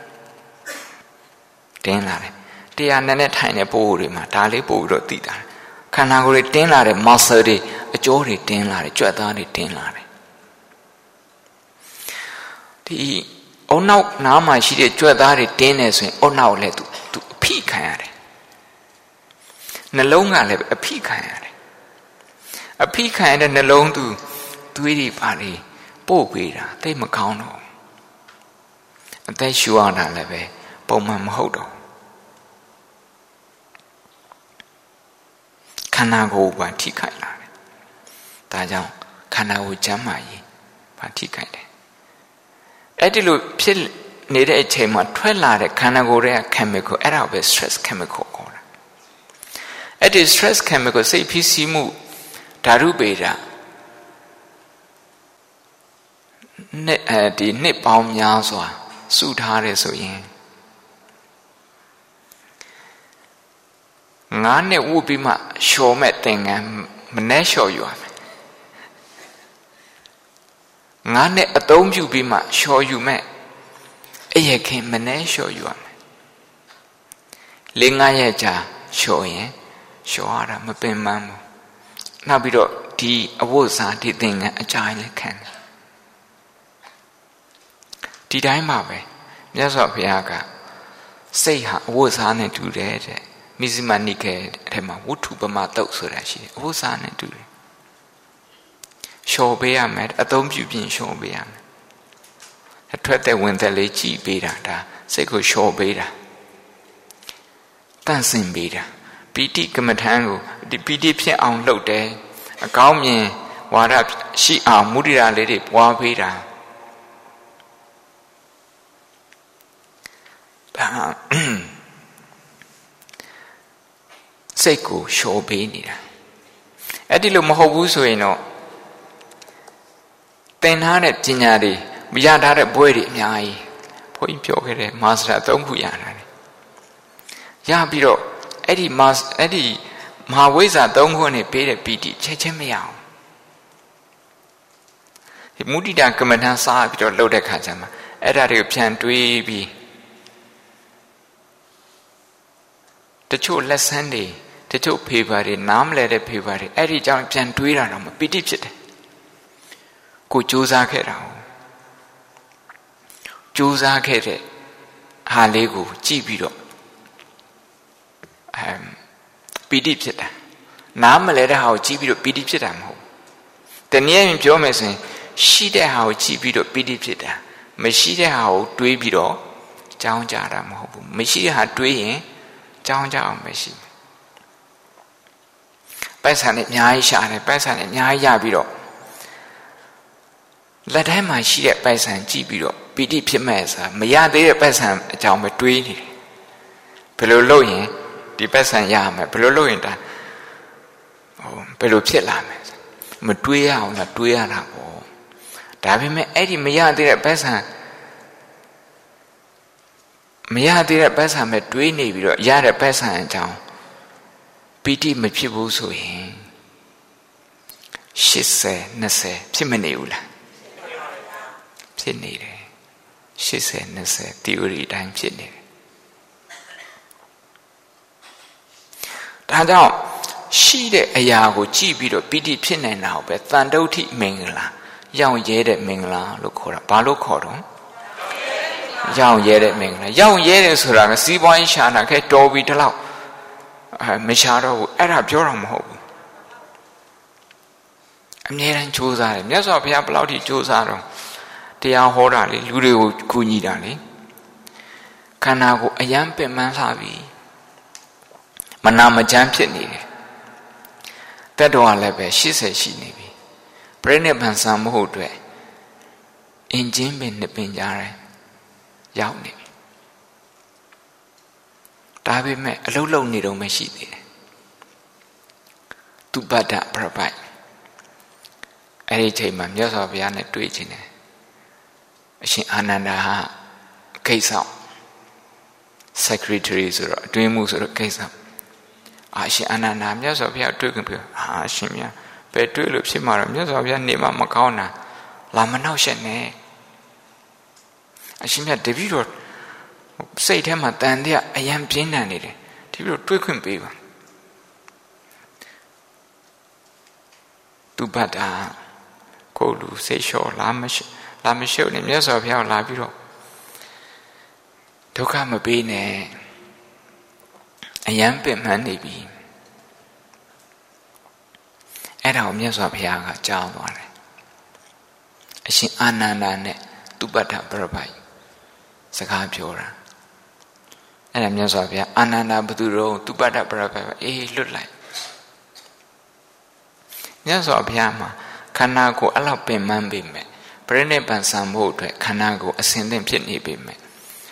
စိတ်ထဲမှာအင်အားတွေပြည့်နေတယ်။ဘာကြောင့်လဲဆိုတော့ဓမ္မပီတိရှိနေလို့အဲ့ဒါနဲ့သူပတ္တပရပိုက်ကိုအတွေ့ခံတယ်ပြဿနာမေးခွင့်ပေးတယ်ဖြေကြားပေးတယ်စိတ်ချမ်းသာသွားတယ်သူပတ္တကလည်းပဲတရားရသွားတယ် မြတ်စွာဘုရားရဲ့အမ်နောက်ဆုံးတရားတော့သူပတ္တကိုဟောလိုက်တဲ့တရားဒါမဟာကိယနာတော့လို့လဲဆိုနိုင်တယ်လူတွေကတော့မပြောစာထဲမှာလည်းမရှိဘူးဒါပေမဲ့ဒီနေ့ညဘုန်းကြီးပြောတယ်မဟာမုဒိတာလို့လည်းပြောနိုင်တယ်ဘာလို့လဲပြောနိုင်တော့မဟာမုဒိတာလို့လည်းပြောနိုင်တယ်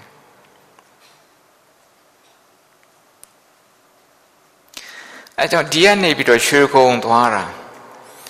လှမ်းတိုင်းလှမ်းတိုင်းကာပိန်လှိမ့်တိုင်းလှိမ့်တိုင်းပီတိဖြစ်ရင် uncertainty မရေရာတဲ့ကားကြက်မှုဖြစ်လာတယ်ဆိုရင်အဲ့ဒီစိတ်ဖိစီးမှုတန်ကိုခံစားနိုင်ဒါကမရေရာမှုအသေးစားလေးပါဘဝမှာဒီထက်ပိုကြီးမားတဲ့မရေရာမှုတွေအများကြီးရှိတယ်ကျမ်းမာရေးနဲ့ပတ်သက်တာလားအဲ နာမည်အကောင်းဆိုးနဲ့ပတ်သက်တာလားအစီးပွားရေးနဲ့ပတ်သက်တာလားမိတ်ဆွေတငယ်ချင်းနဲ့ပတ်သက်တာအများကြီးရှိတယ်ဒီထက်ကြီးတာအများကြီးရှိတယ်မရေရာတဲ့အများကြီးရှိတယ်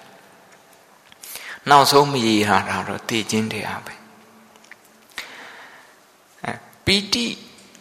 လုံနိုင်တဲ့အကျင့်ရှိတယ်ဆိုရင်ပီတိစွမ်းအားရှိတယ်ဆိုရင်တော့ အဲ့ဒါတွေအားလုံးကိုကျော်လွှားနိုင်တယ်အထူးဖြင့်ဓမ္မပီတိရှိတယ်ဆိုရင်တော့အမနာမှကြောက်စရာကောင်းတဲ့မရဏတရားတော်မှာကြောက်စရာမကောင်းတော့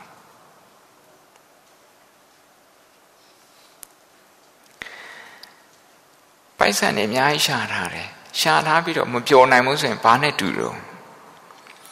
ပိုက်ဆံနေရှာထားတယ်ဘန်ထဲမှာသွားထည့်ထားလိုက်တယ်ဘန်ထဲမှာပိုက်ဆံရှိနေတာကိုမေ့ပြီးတော့ ငါပိုက်ဆံမရှိဘူးငါဆင်းရဲတယ် you feel very poor ဆင်းရဲတယ်လို့စိတ်ထဲမှာခံစားရတာအဲ့လိုခံစားလို့ဒေါသဖြစ်တာအဲ့လိုခံစားလို့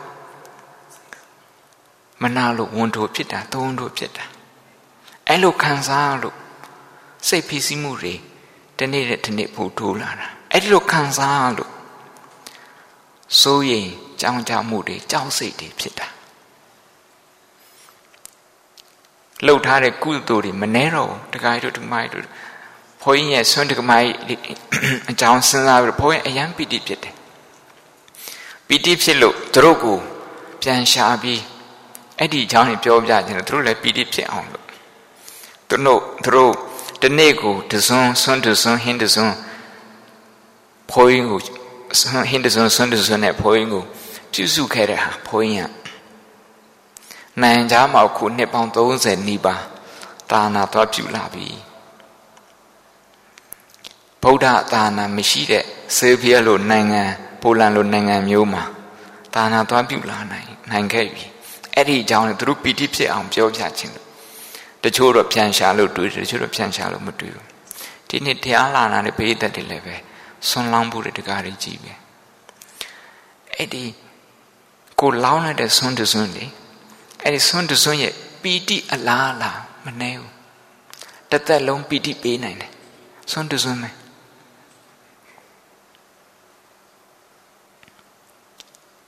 အဲ့ဒီအကောင်းကိုပဲပြန်ပြီးတော့တွေးနေတယ်ပြန်ပြီးတော့တွေးနေတယ်ဆိုရင်ပီတိဟာဖြစ်ပြင်းဖြစ်ဖြစ်ပြင်းဖြစ်ခန္ဓာကိုယ်ထဲမှာလည်းပဲ positive chemical အဲ့ဒီပီတိရဲ့ဓာတုပေဓာတွေတက်လာတယ်တက်လာလို့တချို့ဆိုရင်ယောဂါတော့ပျောက်ပါတယ်ပြီးတယ်ယောဂါတော့ပျောက်တယ်တရားထိုင်ပြီးတော့ယောဂပျောက်တယ်ဆိုတာဒါဒီလိုနဲ့ပျောက်သွားတာအခုနောက်ပိုင်းမှာ cancer အဖြစ်များတာ stress လည်းအများကြီးပါတယ်စိတ်ဖိစီးမှုတွေအများကြီးပါတယ်နောက်ပြီးတော့နေရာတိုင်းမှာအဆိုးမြင်တတ်တဲ့ negative အတွေးတွေလည်းပါတယ်ဒါကြောင့်ဒီနေ့ဘုန်းကြီးကဒီလေရင်ပေါ်မှာအင်္ဂလန်နေပြီးတော့ဘန်ကောက်လာယူလာတဲ့ဟိုသတင်းစာလေး Daily Express ကမေလ23ညနေပိုင်းလေရင်ပေါ်မှာဖတ်ခဲ့တဲ့ဟာလေဒါ Hollywood ရုပ်ရှင်မင်းသား George Clooney ပါလူတိုင်းသိတယ် တကယ်အောင်မြင်တယ်တကယ်နာမည်ကြီးတယ်သူကအခုအမေရိကန်နေပြီးတော့အင်္ဂလန်ကိုပြောင်းလာတာသူ့ကိုသွားပြီးတော့အင်တာဗျူးလုပ်တဲ့အခါသူကအင်္ဂလန်ကောင်းကြောင်းတွေပဲပြောတယ်အမေရိကန်အကြောင်းမေးကအမေရိကန်ကိုမကြိုက်လို့အင်္ဂလန်ပြောင်းလာတချို့အမေရိကန်လည်းအဲ့လိုရှိတယ်အမေရိကန်မှာမနေအမေရိကန်ကဘလို့ဖြစ်တယ်ဟိုလိုဖြစ်တယ် ဟို commercialize ဖြစ်လွန်းတယ်အင်္ဂလန်ကနည်းနည်းပို့ပြီးတော့ AC ဖြစ်တယ်အဲ့လိုနဲ့အင်္ဂလန်ပြောင်းလာတဲ့ American တွေအများကြီးရှိတယ်သူတို့ကလေးတွေကိုအင်္ဂလန် America မှာမကြီးစေချင်ဘူးသူကြတော့ America ကိုရှုတ်ချတာမျိုးမရှိဘူး American အကြောင်းကိုလည်းအကောင်းပဲပြောတယ်အကောင်းမြင်တာပြောတာ The beauty of England မနေ့ကမှမင်္ဂလာဆောင်ထားတာလေဟိုဟိုနဲ့အင်္ဂလန်ကရှိနေနဲ့နာမည်ကြီးရှိနေနဲ့သူအမျိုးသမီးကတဲ့အင်္ဂလန်ရဲ့လှပမလှပမှုအကြောင်းတွေသူ့ကိုအများကြီးပြောထားတယ်အဲ့ဒါကြောင့်မလို့ तू อ่ะဟိုနာမည်မကြီးတဲ့လူတွေတာမန်လူရန်စားတွေသွားတောက်တဲ့ဒီ ဒီအပျော်သွားတောက်တဲ့ဖတ်ပေါ့နော်ဒီမှာဆိုရင်တော့လက်ဖက်ရည်ဆိုင်ပေါ့ဟိုမှာတော့အရက်ဆိုင်ပေါ့ဟိုမှာအရက်အဲသွားတောက်ပြီးတော့မူးတာမျိုးတော့မဟုတ်ပါဘူးအဲမဲ့ဒီမိတ်ဖြစ်ဆွေဖြစ်သွားပြီးတော့တောက်တဲ့အရက်ဆိုင်နေအဲ့လိုဖောက်တယ်သူကသွားပြီးတော့ဟိုလူတမန်တွေနဲ့အယောဝင်တယ်အယောဝင်ရတာသူစိတ်ထဲမှာကြောက်တယ်လို့မခံစားရဘူးငါ့ကိုဓမြတိုက်မယ်ဒီလိုမခံစားဘူးငါ ဟိုဒီလိုအရက်ဆိုင်မျိုးသွားလိုက်လို့လူတွေကငါ့ကိုအထင်သေးမယ်အဲ့လိုစိတ်မျိုးလို့သူမှမရှိဘူးဘာဖြစ်လို့တော့ဆိုတော့မကောင်းစီးလက်ကြည့် my dad told me to look for the best in people နော်သူ့အဖေကသူ့ကိုလူတိုင်းလူတိုင်းရဲ့အကောင်းဆုံးကိုပဲကြည်ပါလို့သင်ပေးထားတယ် လူတယောက်ကိုတွေးလိုက်တာနဲ့ဟာဒီလူကဘယ်လိုဖြစ်လိုက်တာသူ့နာမည်တော့မသိသေးဘူးသူ့အဖြစ်ချက်ချင်းမြင်ပြီဟုတ်တယ်မလားဒါက the best in people လူတွေစီမှာအကောင်းဆုံးကိုမြင်တတ်တယ်ဒါကလေးရဲ့တဘာဝပဲကလေးတွေအချင်းချင်းနာမည်တီးဖို့မလိုမိသားစုအကြောင်းတီးဖို့မလိုပိုက်ဆံဘယ်လောက်ရှိရတီးဖို့မလိုဘိုးရဲ့အကြောင်းမှာအင်္ဂလန်အောက်ဆွဲအကြောင်းမှာ လူမျိုးစုံလာတယ်ဗမာလာတယ်ထိုင်းလာတယ်သတိလင်္ကာလာတယ်အင်္ဂလိပ်တွေလာတယ်စပနစ်တွေလာတယ်ရုရှားတွေလာတယ်သူတို့ကလေးတွေပါတဲ့အခါမှာတချို့သူတို့ကလေးတွေကလည်းအချင်းစကားမပြောတတ်သေးဘူးပြောင်းလာခါစားရုရှားတွေပြောင်းလာခါစားသတိလင်္ကာတွေဟိုတဲ့အချင်းချင်းဆက်သွယ်ဖို့အတွက်အင်္ဂလိပ်စကားကောင်းမတတ်တဲ့ကလေးတွေရှိတယ်ဒါပေမဲ့အဲ့ကလေးတွေလေပျော်ပျော်ရွှင်ရွှင်အတူတူကစားနိုင်တယ်။ ဘာဖြစ်လို့ဆိုတော့သူတို့မှာအကောင်းမြင်တဲ့ဝါဒ to look the best in people လူတွေမှာအကောင်းကြည့်တတ်တယ်။ဒါကြောင့်ဒီနေ့အကောင်းကြည့်အောင်ဘုန်းကြီးတို့9မိနစ်လောက်တရားထိုင်ကြည့်မယ်။တရားမထိုင်ခင်မှာဘုန်းကြီးတရားထိုင်မှုထိုင်နည်းကိုပြောပြမယ်။ဒါနမူနာလောက်ပဲရှိတယ်နော်။တကယ်လို့တရားထိုင်မယ်ဆိုတော့ နှစ်ပတ်သုံးပတ်အနည်းဆုံးသုံးပတ်လောက်ထိုင်ယူရမယ်ဟိုစိတ်ဓာတ်ပေတဲ့ပညာရှင်တွေရအကျင့်တစ်ခုကိုပြောင်းလဲနိုင်အောင်ဆိုရင်တဲ့ဟောသုံးပတ်လောက်လိုပါတယ်တဲ့သူတို့သူတွေနာလှုပ်ထားတယ်ဒါကြောင့်ဘုန်းကြီးထင်တယ်သုံးပတ်လောက်တော့လိုတယ်လို့ထင်တယ်ဒါပေမဲ့ဒီနေ့9မိနစ်နဲ့စကြည့်ဒါမေတ္တာကမ္မထံပွားများတဲ့အတိုင်းပဲပထမဆုံးမိမိရဲ့ဘဝထဲမှာပီတိဖြစ်စေ အကောင်းဆုံးတစ်ခုကိုတွေးပါစံဘွဲအောင်တာလားစံအောင်ခဲတာလားချီပေါက်တာလားကာကောင်းရှိတာလားတငယ်ချင်းကောင်းရှိတာလားကြမ်းမိုက်ကောင်းတာလားအလှူဒန်းလုပ်ရလို့လားလှုပ်ချင်တာလှုပ်ရလို့လားသွားချင်တဲ့နေရာသွားလို့လားပြောချင်ရတာပြောချင်တဲ့ဟာပြောရလို့လားဘာပဲဖြစ်ဖြစ်မိမိစိတ်ချမ်းသာတဲ့တခုတွေ့ တစ်ပင်ဆိုင်ရလို့စိတ်ချမ်းသာတာလားအဲ့ဒီတိုင်းဆိုရင်လည်းတစ်ပင်ဆိုင်တာပဲတစ်ပင်ဆိုင်တဲ့အကြောင်းတွေးနေတွေးပြီးတော့ပီတိဖြစ်ပါစေအဲ့ဒီပီတိစိတ်ခံစားမှုလေးဖြစ်ပါစေအဲ့ဒါကပထမဆုံးအချက်ပထမဆုံးအဆင့်ဒုတိယအဆင့်ကတော့မိမိမိသားစုထဲကတယောက်အခုလက်ရှိစကားများတဲ့လူဆိုစကားများထားတဲ့လူဆိုရင်တော့ခဏထားနော်စကား စကားမများဘူးဒီလိုဟိုတင်ဆက်ဆံရေးကောင်းနေတဲ့မိသားစုတယောက်သူအဲသူဝမ်းသာစရာလေးသူဝမ်းသာတဲ့ဟာပဲဖြစ်ဖြစ်ဒါမှမဟုတ်ကိုကသူ့ကြည့်ပြီးတော့ဝမ်းသာတဲ့ဟာပဲဖြစ်ဖြစ်သူဝမ်းသာတဲ့ဟာဆိုတာကသူစံပဲအောင်ခြင်းနဲ့သူစံပဲအောင်သွားတယ်သူကားရခြင်းနဲ့ကားရသွားတယ်သူလုပ်ငန်းကိုင်ငန်းလုပ်ခြင်းနဲ့လုပ်ငန်းကိုင်ငန်းအောင်မြင်သွားတယ် အဲ့ဒါလေးကိုကြည့်ပြီးတော့အဲသူပီတိဖြစ်တာကိုကြည့်ပြီးတော့ထပ်ဆင့်ပီတိဖြစ်တာအဲ့ဒီလိုမဟုတ်ဘူးသူဘာဘယ်လိုဖြစ်ပြီးတော့ပီတိဖြစ်တယ်ဆိုသူ့အကြောင်းကိုအဲ့လောက်ထိမသိသေးဘူးဆိုရင်မိသားစုဝင်နိုင်သိတာမဟုတ်ဘူးမသိသေးဘူးဆိုရင်ဒါဒါသူကောင်းကွက်သူ့ရဲ့ကောင်းချက် တခုခုကြည့်ပြီးတော့အဲ့ဒါပီတိဖြစ်ပါဒါကိုရှုထောင်နေပီတိဖြစ်တယ်ခဏနေအောင်ကတော့သူ့ရှုထောင်နေပီတိဖြစ်တယ်ကိုရှုတော့နေလည်းဖြစ်နေသူရှုတော့နေလည်းဖြစ်နေတဲ့ကိစ္စမရှိပါဘူးဒါဒုတိယချက်တတိယချက်ကတော့တငယ်ချင်းတယောက်တငယ်ချင်းပေါင်းတဲ့တယောက်သူ့ရဲ့ကောင်းကိုကြည့်ပြီးတော့ပီတိဖြစ်ပါတဲ့နံပါတ်၄ ဒီတရားနာပိဋကတ်ထဲမှာဒီနေ့မှတွေ့ရတဲ့လူမြန်မာလောက်ပဲတမ်းမိတဲ့လူကိုမသိသေးဘူးအဲ့လူရဲ့ကောင်းကွက်လေးစဉ်းစားပြီးတော့ပီတိဖြစ်ပါတဲ့အဲ့ဒါလုံးလို့မရဘူးမသိသေးလို့လုံးလို့မရအောင်ဆိုရင်မိမိကနေပြန်စားကိုယ့်ရဲ့ကောင်းကွက်ကိုပြန်စားပြီးတော့ပီတိဖြစ်အောင်လုပ်ပါ ပြီးရင်အဲ့ဒီစရုထပုဂ္ဂိုလ်ဒီနေ့မှတွေ့ရတဲ့ပုဂ္ဂိုလ်တခါပြန်ပြီးတော့ကြိုးစားလေးဆင့်နော်ပထမဆုံးမိမိကိုယ်ကိုဒုတိယအဆင့်ကမိသားစုဖွဲ့ဝင်တယောက်တတိယကတငယ်ချင်းတယောက်နံပါတ်၄ကဒီနေ့မှတွေ့ရတယ်လူမရင်းနှီးသေးတယ်လူမရင်းနှီးသေးဘူးဆိုတာဒီလိုပြောတာ ဟိုကြိုက်တာလည်းမဟုတ်မကြိုက်တာလည်းမဟုတ်ဘူးမုံလည်းမမုံသေးဘူးကြိုက်လည်းမကြိုက်သေးဘူးမသိသေးဘူးအဲ့ဒီလိုအလယ်လက်ပုဂ္ဂိုလ်ကဲ9မိနစ်လောက်တရားထိုင်ကြည့်မယ်ဖြည်းဖြည်းသာသာအသက်ရှူပါခန္ဓာကိုယ်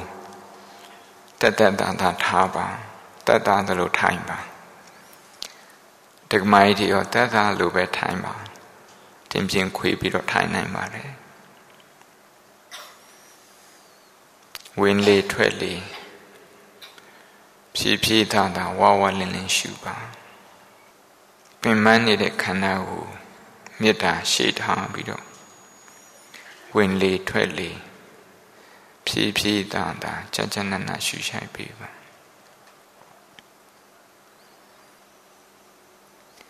စိတ်ပြန်လွင့်သွားရင်ထွက်တဲ့ဝင်တဲ့စီစိတ်ကိုပြန်ခေါ်ပါပြီးတော့ပီတိကမ္မဋ္ဌာန်းဆက်လုပ်ပါ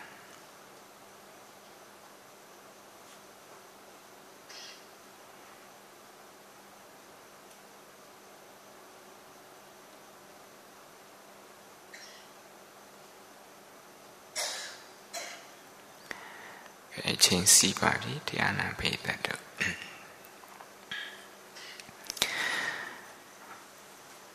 ဒါနမူနာလက်တွေ့လှုပ်ကြည့်တာအိမ်ပြန်ရောက်ရင်လည်းပဲဆက်လှုပ်ပါမိမိလှုပ်ထားတဲ့ဒီကောင်းတဲ့အရာလေးတွေကုသိုလ်လုပ်ငန်းပဲဖြစ်ဖြစ်မိမိအတွက်ဘဝ မိမိဘဝအတွက်လုပ်တဲ့အလုပ်ပဲဖြစ်ဖြစ်လူမှုရေးလုပ်ငန်းပဲဖြစ်ပြန်တွေးပြီးတော့ပီတိဖြစ်ဖို့လိုအပ်ပါတယ်နောက်ပြီးတော့ဒီမိမိအတွက်ပဲကိုယ်ပီတိဖြစ်တယ်ဆိုရင်ဒါမပြီးသေးဘူးလောဘတက်တက်တယ်အဲ့ပီတိကိုအပြင်ကိုတိုးချဲ့ပေးရတယ် expand လုပ်ရတယ် အဲ့ဒါကြောင့်မိသားစုဝင်မိသားစုဝင်အားလုံးတယောက်ပြီးတယောက်လောက်ရမှာဒီနေ့တော့တယောက်ပဲလောက်ကြည့်တာတယောက်ပြီးတယောက်အဲပထမဆုံးလောက်တာဒီကောင်းတာတွေလိုက်ပြီးတော့ကြည်တာနည်းနည်းခက်ရင်ခက်မယ်အကျဉ်းရသွားရင်တော့လွယ်သွားပါလိမ့်မယ်ဒီတိုင်းမှပဲတငယ်ချင်းဟိုလည်းပဲဒီလွယ်တာနေစတယ် မိမိနဲ့ဆက်ဆံကောင်းနေသေးတဲ့လူနဲ့စတယ်နောက်ပိုင်းဒီပိဋိကမ္မထံမုဒိတံကမ္မထံလောက်တာကြာနိုင်တော့စကားများထားတဲ့လူရဲ့ကောင်းကွက်ကိုတောင်မှအလွယ်တကူရှာတွေ့နိုင်ပါတယ်အဲ့ဒီလိုရှာတွေ့နိုင်တယ်ဆိုရင်တော့သစိမ်းတယောက်ရဲ့ကောင်းကွက်ကိုရှာတွေ့ဖို့မခက်တော့ပါဘူး အဲ့ဒီလိုသစိမ်းတယောက်ရဲ့ကောင်းကွက်ကိုရှာတွေ့နိုင်ပြီဆိုရင်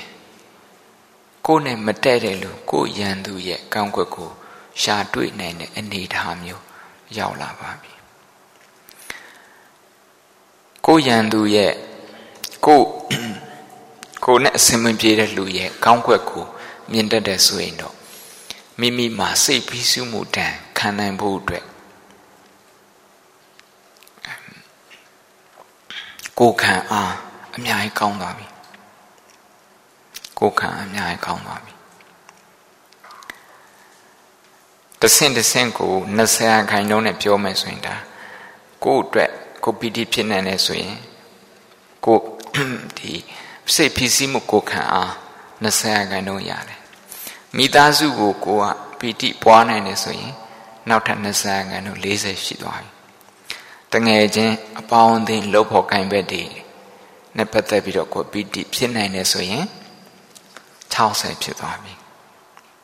သစိမ့်နဲ့ပတ်သက်ပြီးတော့ကိုကလုံနိုင်ဆိုရင်80ဖြစ်80ရရင်ဂုံတုထွက်ပြီကိုယ့်ရဲ့ရန်သူမိတ်ဆွေသူ့ရဲ့ဘဝကိုကြည့်ပြီးတော့ကိုအကောင်းမြင်တတ်တယ်ဆိုရင်ကောင်းကွက်လေးတွေ မြင်တတ်တယ်ဆိုရင်ဒါအမှားဒီကိုခံအားရာနှုံပြည့်သွားပြီဝိပဿနာကမ္မထံအထူးသဖြင့်စိတ်ဓာနုပဒနာရဲ့အထောက်အကူအများကြီးလိုပါတယ်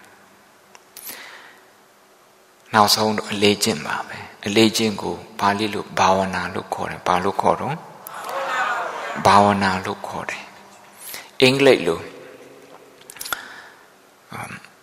အနိုင်ဆုံးစကားနဲ့စပြီးပြောမယ်လောကီစကားနဲ့စပြောမယ်ဆိုရင် exercise လို့ခေါ်တယ်ဘာလို့ခေါ်တော့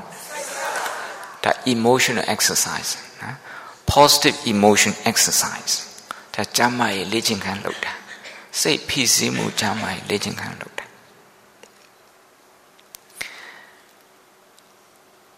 အဆင့်မြင့်တဲ့ exercise ကိုတော့ဘာလို့ခေါ်အောင်ဆိုတော့ meditation လို့ခေါ်တယ်ဘာလို့ခေါ်တော့ meditation လို့ခေါ်တယ် ဒါကြောင့်စိတ်ခံစားမှုဆိုင်ရာကျမ်းမာရေးတွေပြည့်စုံပြီးတကလားလောကဓမ္မနထာနာမှာကြီးပွားတိုးတက်တဲ့ပုဂ္ဂိုလ်သူပုဂ္ဂိုလ်မြတ်များဖြစ်ကြပါစေ။